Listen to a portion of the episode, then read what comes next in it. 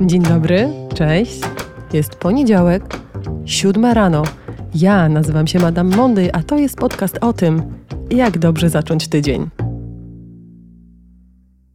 Dzień dobry, z tej strony Madame Monday. Witam Was serdecznie. Mm, ostatnio Wam obiecałam, że dzisiaj nagram dla Was e, odcinek o wybaczaniu. No i pudło, bo okazuje się, że większość z Was na grupie facebookowej i w pokoju mówi mi o tym, że żeby wybaczyć, to, to po drodze jeszcze trzeba pokonać kilka przeszkód i nazywacie te przeszkody różnie, a ja sobie to, co nazywacie, przeanalizowałam i wyszło mi, że większość z Was cierpi na to, co Brodshaw nazywał toksycznym wstydem. No i o czym ja mówię, kiedy mówię o toksycznym wstydzie? Przede wszystkim mówiliście o tym, że najczęściej czujecie się niewystarczający. Czyli to jest takie doświadczenie, które pojawia się u Was najczęściej.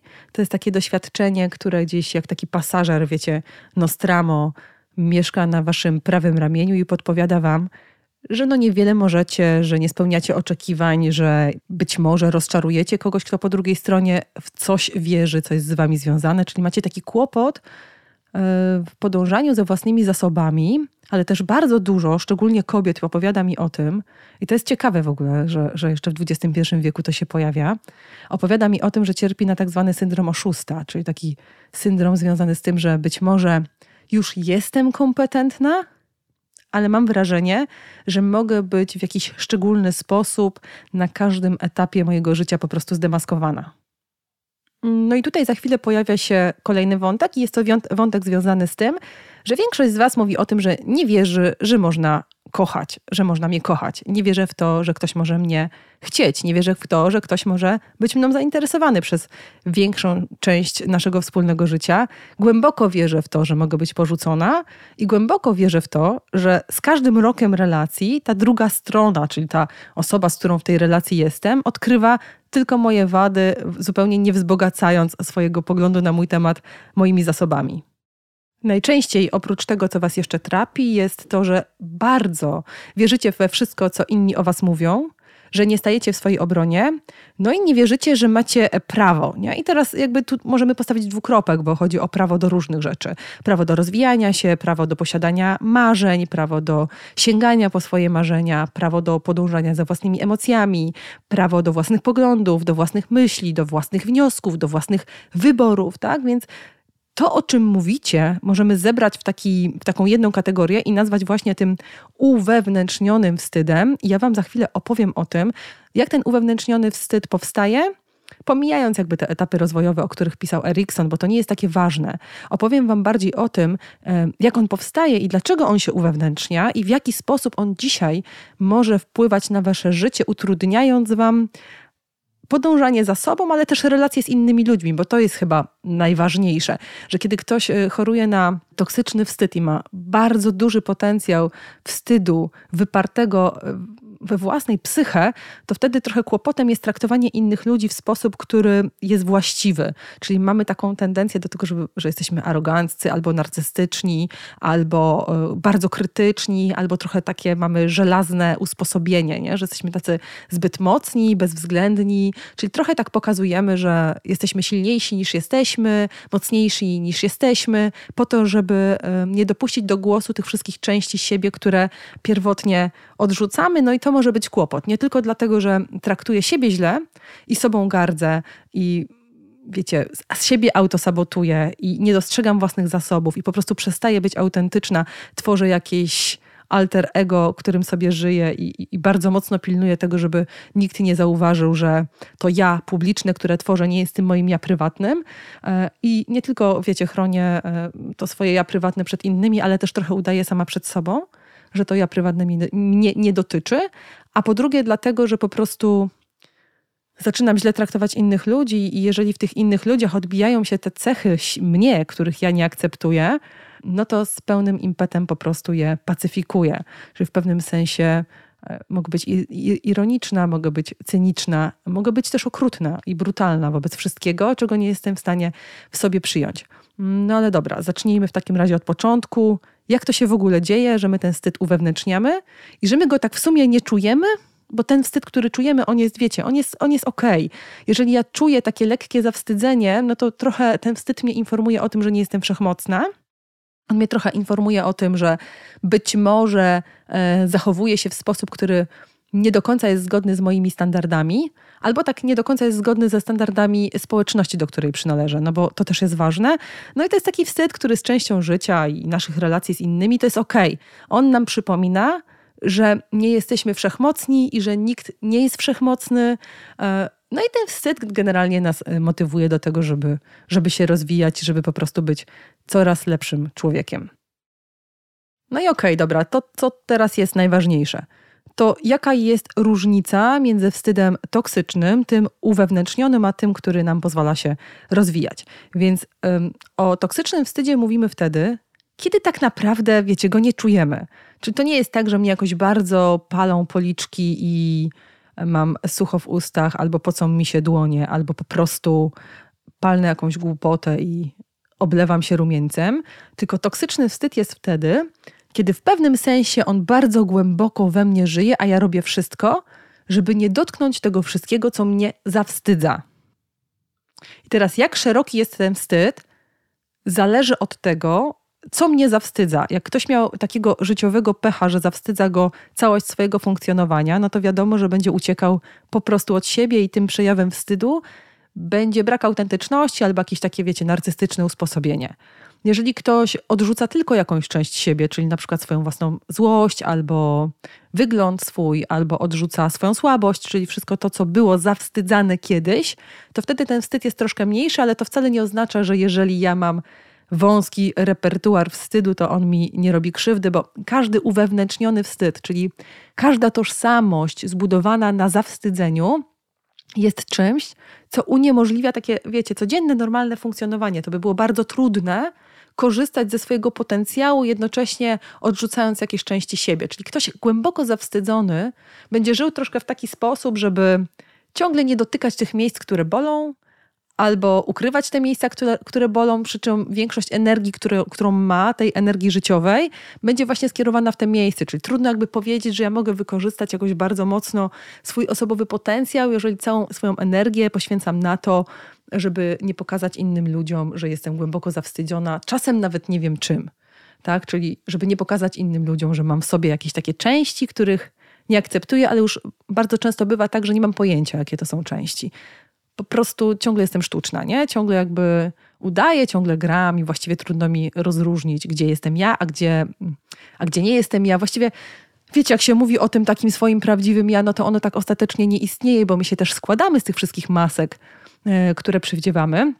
No ale toksyczny wstyd jest czymś trochę innym, no bo wtedy my jesteśmy trochę jak taki żołnierz na wojnie, wiecie, tak się obudowujemy jakimiś tarczami, karabinami w postaci właśnie arogancji, narcyzmu albo kompletnego wycofania z życia. No dobra, opowiem wam teraz o tym, co Brodshaw mówił o, o kilku powodach, dla których e, w ludziach rozwija się ten toksyczny wstyd. E, Czyli on mówił o takich kilku początkach. Wiadomo, że tym początkiem zawsze będzie jakieś głębokie odrzucenie. Pamiętajcie też, że, że zawstydzeni rodzice, i to jest jeden z pierwszych powodów, nie są w stanie wychować e, niezawstydzone dzieci. Tak? Czyli jakby trochę wstydem się zarażamy. Jest on taką częścią nas, której nie do końca jesteśmy świadomi, a która sprawia, że wiecie, mamy kłopot z wchodzeniem w bliskie, oparte na akceptacji i zaufaniu relacje z innym człowiekiem. Czyli można powiedzieć, że zawstydzona rodzina, która ma w swojej pokoleniowej transmisji właśnie takie wzorce, zaraża wstydem swoje własne dzieci, które nieświadomie zbierają po prostu żniwa poprzednich krzywd, poprzednich urazów i wszystkich poprzednich zranień. Musicie teraz się zastanowić trochę nad historią własnej rodziny, bo wiadomo też, że jesteśmy e, dziećmi dzieci, dzieci wojny, więc nasze poprzednie pokolenia z pewnością doświadczyły i ubóstwa, e, i upokorzeń, i odrzucenia, i nacjonalizmu, i wojny, więc tych mechanizmów głębokiego zawstydzenia i takiego, wiecie, społecznego odrzucenia jest w nas strasznie dużo. Duża część z nich jest przez nas nawet nieuświadomiona. Brené Brown prowadziła takie piękne badania na ten temat i zresztą pisze świetnie książki. I to Brené mówi właśnie o kulturze zawstydzania, czyli pewne części wstydu, z którymi my się nosimy przez całe nasze życie, nie dotyczą tylko nas osobowo ale, albo naszych rodzin, ale dotyczą też całej społeczności, do której przynależymy. Jeżeli żyjemy w kulturze wstydu, czyli jeżeli społeczność, do której przynależymy, ma ugruntowane takie mechanizmy zawstydzania i na nich opiera się na przykład system edukacji, tak, w którym my jesteśmy, albo religia, którą wyznajemy, albo e, pedagogika wstydu, która bardzo mocno jest zakorzeniona, czyli na przykład takie przekonanie, że to rodzic zawsze wie, co jest najlepsze dla dziecka i że jeżeli rodzic jest zdenerwowany, to znaczy, że to jest dziecka wina, bo ono jest niegrzeczne. To są jedne z elementów pedagogiki wstydu.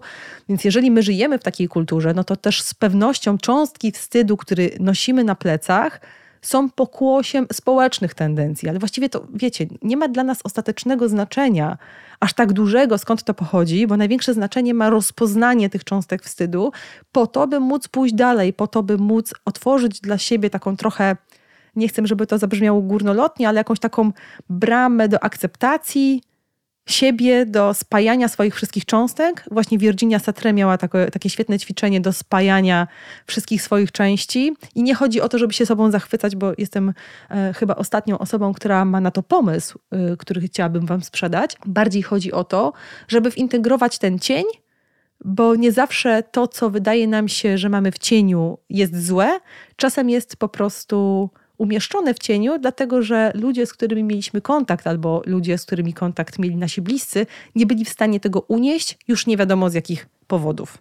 Więc poza takimi kulturowymi przyczynami toksycznego wstydu i poza tymi e, kawałkami związanymi e, z transmisją pokoleniową, mamy jeszcze kilka innych powodów, dla których ludzie czują się głęboko zawstydzeni i odrzucają różne części siebie. I takim najważniejszym, topowym doświadczeniem jest jakiś silny uraz spowodowany porzuceniem. Wiecie, porzucić można na różne sposoby dziecko. Nie chodzi tylko o takie porzucenie fizyczne. Czasem można odrzucić tylko jakieś części własnego dziecka, sprawiając, że, że, że na zawsze będą one spętane wstydem to, co odrzucone najczęściej budzi w nas wstyd, więc jeżeli chcecie zbadać historię e, tego, co was zawstydza, to spójrzcie, co was zawstydza i zastanówcie się nad tym, w jaki sposób to zostało odrzucone, kto tego dokonał, gdzie to nie mogło się manifestować, gdzie ta część Was nie mogła znaleźć dla siebie miejsca i z jakiego powodu nie była akceptowana. No bo wstyd zawsze nam mówi o tym, że coś jest nie tak w naszym funkcjonowaniu, w naszym postępowaniu, czyli ujawniamy coś, co nie jest akceptowane. No i czasem możemy ujawniać coś, co rzeczywiście nie jest społecznie akceptowane, na przykład jakąś zaborczość albo tendencję do tego, żeby uprzykrzać innym życie i, i wtedy super, że się zawstydzamy, bo to trochę znaczy, że wiecie, że mamy empatię i że jesteśmy wrażliwi społecznie. Ale jeżeli zawstydza nas coś takiego, co jest zupełnie normalne dla innych ludzi i coś, co nie budzi społecznego zgorszenia i nie krzywdzi nikogo innego, na przykład zawstydzają nas własne marzenia, albo zawstydzają nas własne cele, albo zawstydzają nas własne poglądy, własne wybory, tak? Co jest charakterystyczne, spójrzcie na, na, na wyborców w Polsce, tak? My jakby dalej jesteśmy takim społeczeństwem, które bierze udział w wyborach i niekoniecznie e, chce się dzielić z innymi swoimi własnymi poglądami politycznymi, no bo się z jakiegoś powodu boimy. I to czasem jest zrozumiałe, ale najczęściej się po prostu wstydzimy, tak? Czyli odrzucamy swoje własne przekonania na temat społeczeństwa, polityki, gospodarki i tak dalej. No to jest jeden z takich najbardziej delikatnych przykładów, który można przywołać, który pięknie pokazuje, że to, czego się wstydzimy, zostało kiedyś odrzucone, ale nie zawsze to zagraża społeczności, do której przynależymy. Czyli jest to taki wstyd nieadekwatny.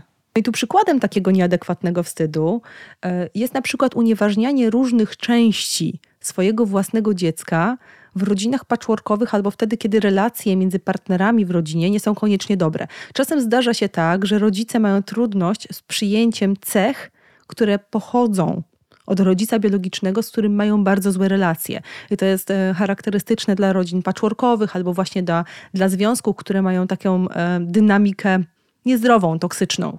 Z takich powodów, e, dla których my odrzucamy różne części siebie oraz innych osób, może być bardzo dużo. Ja myślę sobie też o tak zwanym stresie dyskryminacyjnym, więc z pewnością Wszystkie osoby, które doświadczają stresu dyskryminacyjnego, i myślę sobie tutaj o osobach reprezentujących i środowisko LGBTQ, i środowisko y, kulturowe, które jest w jakiś sposób odrzucane, upokarzane, z pewnością te osoby będą bardziej narażone na doświadczanie toksycznego wstydu i będą miały większą tendencję do tego, żeby to ich poczucie wartości było labilne. Ono się nazywa labilnym wtedy, kiedy to, co o sobie myślimy, zależy od feedbacku, jaki otrzymujemy. Czyli wtedy, kiedy mm, ludzie mówią o mnie dobre rzeczy, kiedy dostaję pozytywny feedback, kiedy ktoś mnie po, poklepie po ramieniu i ja otrzymuję tą aprobatę społeczną, myślę o sobie dobrze, a wtedy, kiedy dostaję bardzo negatywny feedback, zaczynam myśleć o sobie źle i, i generalnie trudno mi sięgać po jakąś motywację do tego, żeby realizować swoje cele, plany, pragnienia. Jasne, każdy z nas reaguje na różnego rodzaju feedback, natomiast labilność charakteryzuje się właśnie taką ciągłością, czyli jesteśmy bardzo zależni od tego, co myślą i mówią o nas inni. No ale wróćmy teraz do toksycznego wstydu. Jest siedem takich reguł, które charakteryzują dysfunkcjonalne rodziny. Broadshaw je opisał w swojej książce Toksyczny Wstyd i ja wam ją pod spodem mm, podlinkuję. Natomiast chciałabym Wam teraz o tym opowiedzieć, bo jeżeli macie wątpliwość, tak, czy, czy Waszą rodzinę charakteryzuje e, toksyczny wstyd, czy tworzycie e, warunki do życia dla swoich dzieci albo dla siebie w tej chwili, które są przesiąknięte wstydem, czy pochodzicie z rodziny, która mogła naznaczyć Was toksycznym wstydem, to te siedem cech charakterystycznych dla takich systemów pozwoli Wam troszkę dokonać takiej autodiagnozy. Więc z pewnością takim najważniejszym mechanizmem, który towarzyszy osobom i systemom, które są zawstydzone, jest kontrola. Czyli musisz zawsze kontrolować wszystkie interakcje, uczucia, zachowania. Kontrola jest królową tego roju. Jeżeli jesteś kontrol freakiem, jeżeli masz potrzebę kontrolowania i sprawdzania, wszystkich dynamik, które łączą różnych Twoich znajomych, włącznie z dynamiką pracy. Jeżeli masz przymus kontrolowania tego, co myślą, mówią inne osoby, w jakim są w tej chwili stanie, jeżeli masz takie tendencje do zaborczości, do zazdrości, do przejmowania kontroli nad innymi ludźmi, to z pewnością musisz się zbliżyć do tego, że jest to jedna ze strategii która służy pokonywaniu własnego wewnętrznego wstydu, no bo to znaczy, że jeżeli ja będę przewidywała wszystkie możliwe niepowodzenia, które mogą mnie spotkać i wszystkie możliwe okoliczności, które mogą mnie zdemaskować, no to jestem bezpieczna. Najczęściej osoby, które mają bardzo głęboko zakorzeniony toksyczny wstyd, mają trudność w utrzymywaniu wieloosobowych relacji. To oznacza, że wiecie, nic o nas bez nas. To oznacza, że takie osoby mają cały czas podejrzenia, że inni członkowie tej grupy, do której przynależą, w jakiś sposób ich odrzucają, albo obmawiają, albo oczerniają. Więc osoby, które kontrolują, przewidują, antycypują, analizują e, i próbują w jakiś sposób też mataczyć, bardzo często manipulować, stawiać warunki, w cudzysłowie strzelać fochy, no to są to osoby, które, które hołdują tej naczelnej zasadzie, że jeżeli będę uważna, że jeżeli będę pilnowała, to jestem w stanie upilnować okoliczności, w których mogę doświadczyć jakiegoś bólu, w których mogę doświadczyć jakiegoś rozczarowania, w których mogę doświadczyć jakiegoś odrzucenia. No i rzeczywiście to jest zasada, która jest e, niemożliwa do zrealizowania, więc najczęściej osoby, które kontrolują prędzej czy później, muszą się z tym spotkać i muszą to przerobić, e, w jakiś sposób z tą kontrolą się rozstać, żeby móc normalnie funkcjonować, no bo nie da się normalnie funkcjonować, będąc ciągle na posterunku. Musicie sobie wyobrazić, że taki control freak, on właściwie ciągle jest na posterunku i, i nigdy nie śpi, nigdy nie odpoczywa, nigdy się nie relaksuje i nigdy nie czuje się swobodnie. I taką kolejną naczelną zasadą jest perfekcjonizm. Oczywiście nie tylko kontroluję i nie tylko sprawdzam i nie tylko próbuję przewidywać, ale też kontroluję siebie, czyli nie tylko innych, ale siebie. Staram się być tą najlepszą wersją siebie, po to, aby nikogo nie rozczarować i nie narazić się na jakiekolwiek odrzucenie, na jakikolwiek negatywny feedback te lejce perfekcjonizmu są bardzo bolesne, bo najczęściej trudno jest osiągnąć poziom, o jakim perfekcjonista myśli, więc jest to trochę taka syzyfowa praca. No i często jest tak, że perfekcjonistów charakteryzuje wysoki pesymizm i mają mocno rozbudowanego, okrutnego krytyka wewnętrznego, który raczej nigdy nie jest zadowolony z poziomu, jaki oni osiągają i który tam też nigdy nie śpi, tak? Często perfekcjonizmiści też oczekują perfekcjonizmu od innych tym, tymi innymi najczęściej są ich dzieci. No i tu mamy tą, tą transmisję tego wstydu, który, który, którym się zarażamy, ponieważ perfekcyjna matka albo perfekcyjny ojciec oczekuje perfekcyjnych dzieci. Dzieci często wtedy, kiedy mamy tendencje narcystyczne, są naszym przedłużeniem, więc ciąży na nich jakieś takie brzemię bycia e, kimś wyjątkowym, e, kimś nietypowym, kimś, kto nie jest przeciętny, no bo ten lęk przed przeciętnością u osób które mają tendencję do perfekcjonizmu i osób, które mają tendencję do e, budowania takiego nieprawdziwego self na zewnątrz, które chroni przed właśnie toksycznym wstydem, te dzieciaki często, tych rodziców, nie mogą być przeciętne, no bo ten lęk przed przeciętnością jest, wiecie, jak, jak najgorszy koszmar nocny. Ok, poza kontrolą i perfekcjonizmem pojawia się mechanizm obwiniania. I jest to mechanizm, który dotyczy wszystkich członków rodziny zarażonych toksycznym wstydem. Jeżeli coś wyszło nie tak, coś nie wyszło tak, jak sobie to zaplanowałam, jeżeli e, w jakiś sposób nie osiągnęłam tego, co chciałam osiągnąć, no to ktoś jest temu winien. Tak, osoba, która ma taką ranę toksycznego wstydu, nigdy nie jest w stanie przyjąć nic na siebie. Zawsze musi zrzucić tą winę, ponieważ jest to taka cegiełka albo taka kropla wody, która e, przelewa tą czarę goryczy. Musicie sobie wyobrazić, że jeżeli ja e, doświadczam toksycznego wstydu, no to moje wiadro pełne wody jest pełne. Tam nie ma przestrzeni na żaden negatywny feedback, więc ja zawsze muszę poszukać winnego którego obarczę odpowiedzialnością za moje niepowodzenie, bo nie jestem w stanie przyjąć kolejnej negatywnej informacji na swój temat. Więc to trochę pozwala, to obwinianie pozwala utrzymać równowagę w takim dysfunkcjonalnym systemie. Tak? Ono pozwala utrzymać równowagę wewnętrzną, ale też równowagę w systemie rodzinnym. Więc wszyscy wszystkich obwiniają, tak? Nikt nie jest odpowiedzialny za swoje własne zachowanie.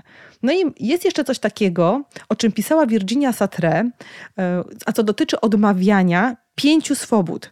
I Bradshaw pisał coś takiego. Człowiek funkcjonuje w sposób pełny, gdy w pełni korzysta z pięciu swobód wskazanych po raz pierwszy właśnie przez Virginię Satre.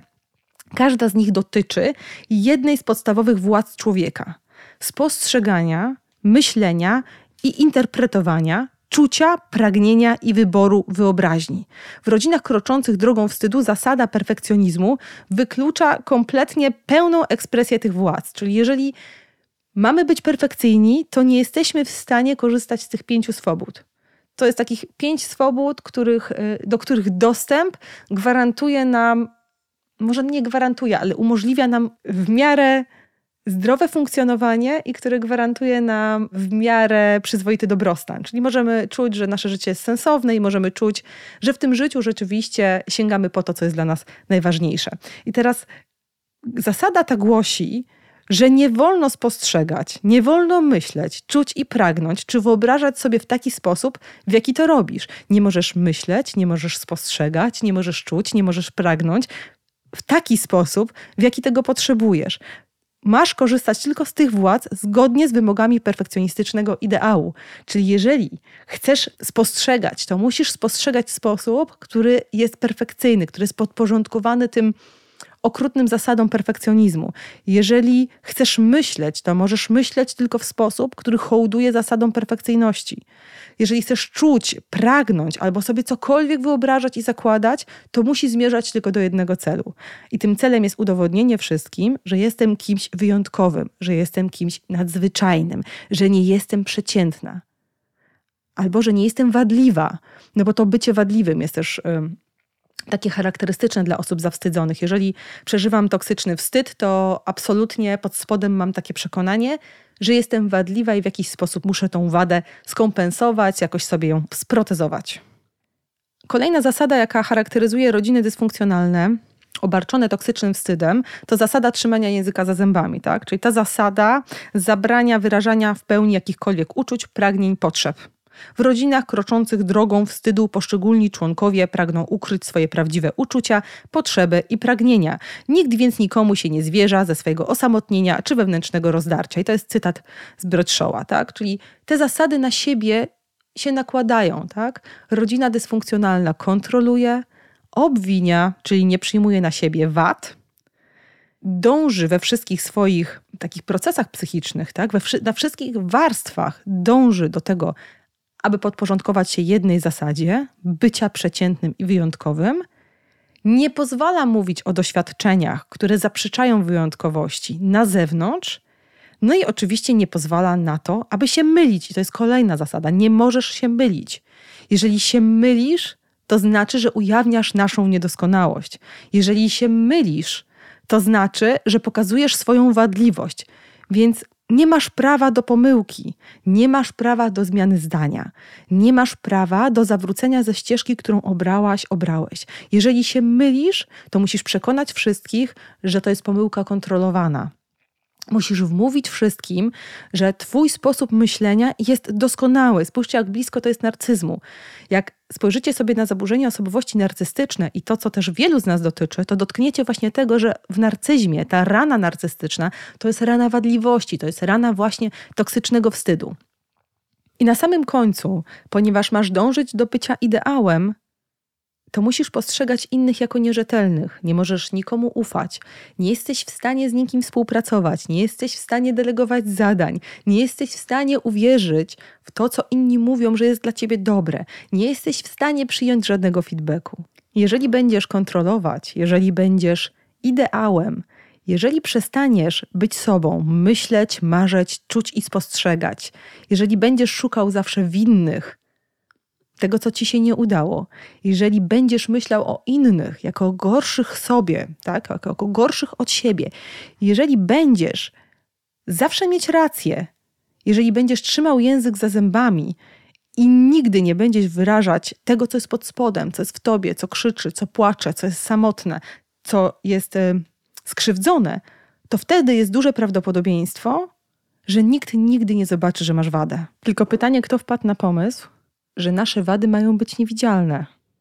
Osoba, która doświadcza toksycznego wstydu, bardzo głęboko wierzy, że ma takie wady, które wykluczają ją ze wspólnoty, do której przynależy. Czyli taka osoba wierzy, że społeczeństwo, do którego ona przynależy, albo rodzina, której jest częścią, albo związek, który tworzy, jest społeczeństwem okrutnym, jest społeczeństwem odrzucającym, jest społeczeństwem nieakceptującym. I to, co najtrudniejsze, to bardzo często takie postaci jednocześnie hołdują tym zasadom, że z jednej strony boję się pokazać moją wadliwość, ale z drugiej strony wypatruję wadliwości innych osób.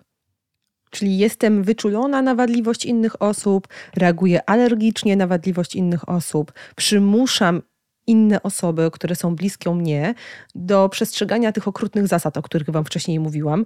I to jest kłopot, tak? Bo jeżeli wchodzę w różne relacje e, z ludźmi, społeczne, czy to przyjaźnie, czy związki, to po pierwsze mogę mieć mm, zbyt duże oczekiwania, a po drugie, mogę mieć tendencję do tego, żeby rzutować na partnera, na partnerkę te wszystkie rzeczy, których w sobie nie, nie akceptuję, te wszystkie rzeczy, które mnie zawstydzają. Toksyczny wstyd może robić bardzo dużo bałaganu w relacjach z ludźmi. I poznacie go też po tym, jak reagujecie na sukcesy innych ludzi, jak reagujecie na własny sukces, w jaki sposób obchodzicie się z komplementami wobec siebie, wobec innych. Czasem jest tak, że takie sytuacje, kiedy doświadczamy głasków społecznych, bardzo mocno demaskują nasze zawstydzone części. Ze wstydem własnym spotkacie się też wtedy, kiedy będziecie bać się ujawniać swoich pomysłów na przykład, tak, albo swoich marzeń, albo będziecie mieli trudność w ujawnianiu swoich sukcesów, a czasami w ujawnianiu swoich porażek i to wtedy będzie takie trochę narcystyczne. Myślę, że to jest takie miejsce, w którym warto się trochę zatrzymać i zrobić pauzę, bo okazuje się, że krzywdy, których doświadczamy, nie tylko pracują w nas w postaci złości, lęku i smutku, ale zostawiają w nas taki trwały ślad związany z unieważnianiem różnych części do których być może warto się w tej chwili zbliżyć i które być może warto scalić, bo, bo ja jestem głęboko przekonana, że, że te części to jest ten niewykorzystany potencjał, który możecie wykorzystać po to, żeby być bliżej siebie, żeby żyć pełniej, żeby realizować swoje marzenia. Dziękuję Wam serdecznie, życzę Wam udanego poniedziałku. Widzimy się w przyszłym tygodniu. Jeżeli jeszcze nie należycie do grupy Madame Monday na Facebooku, to Was zapraszam. Jeżeli jeszcze nie obserwujecie mnie na Facebooku albo na Instagramie, to też Was serdecznie zapraszam z tego miejsca. Trzymajcie się.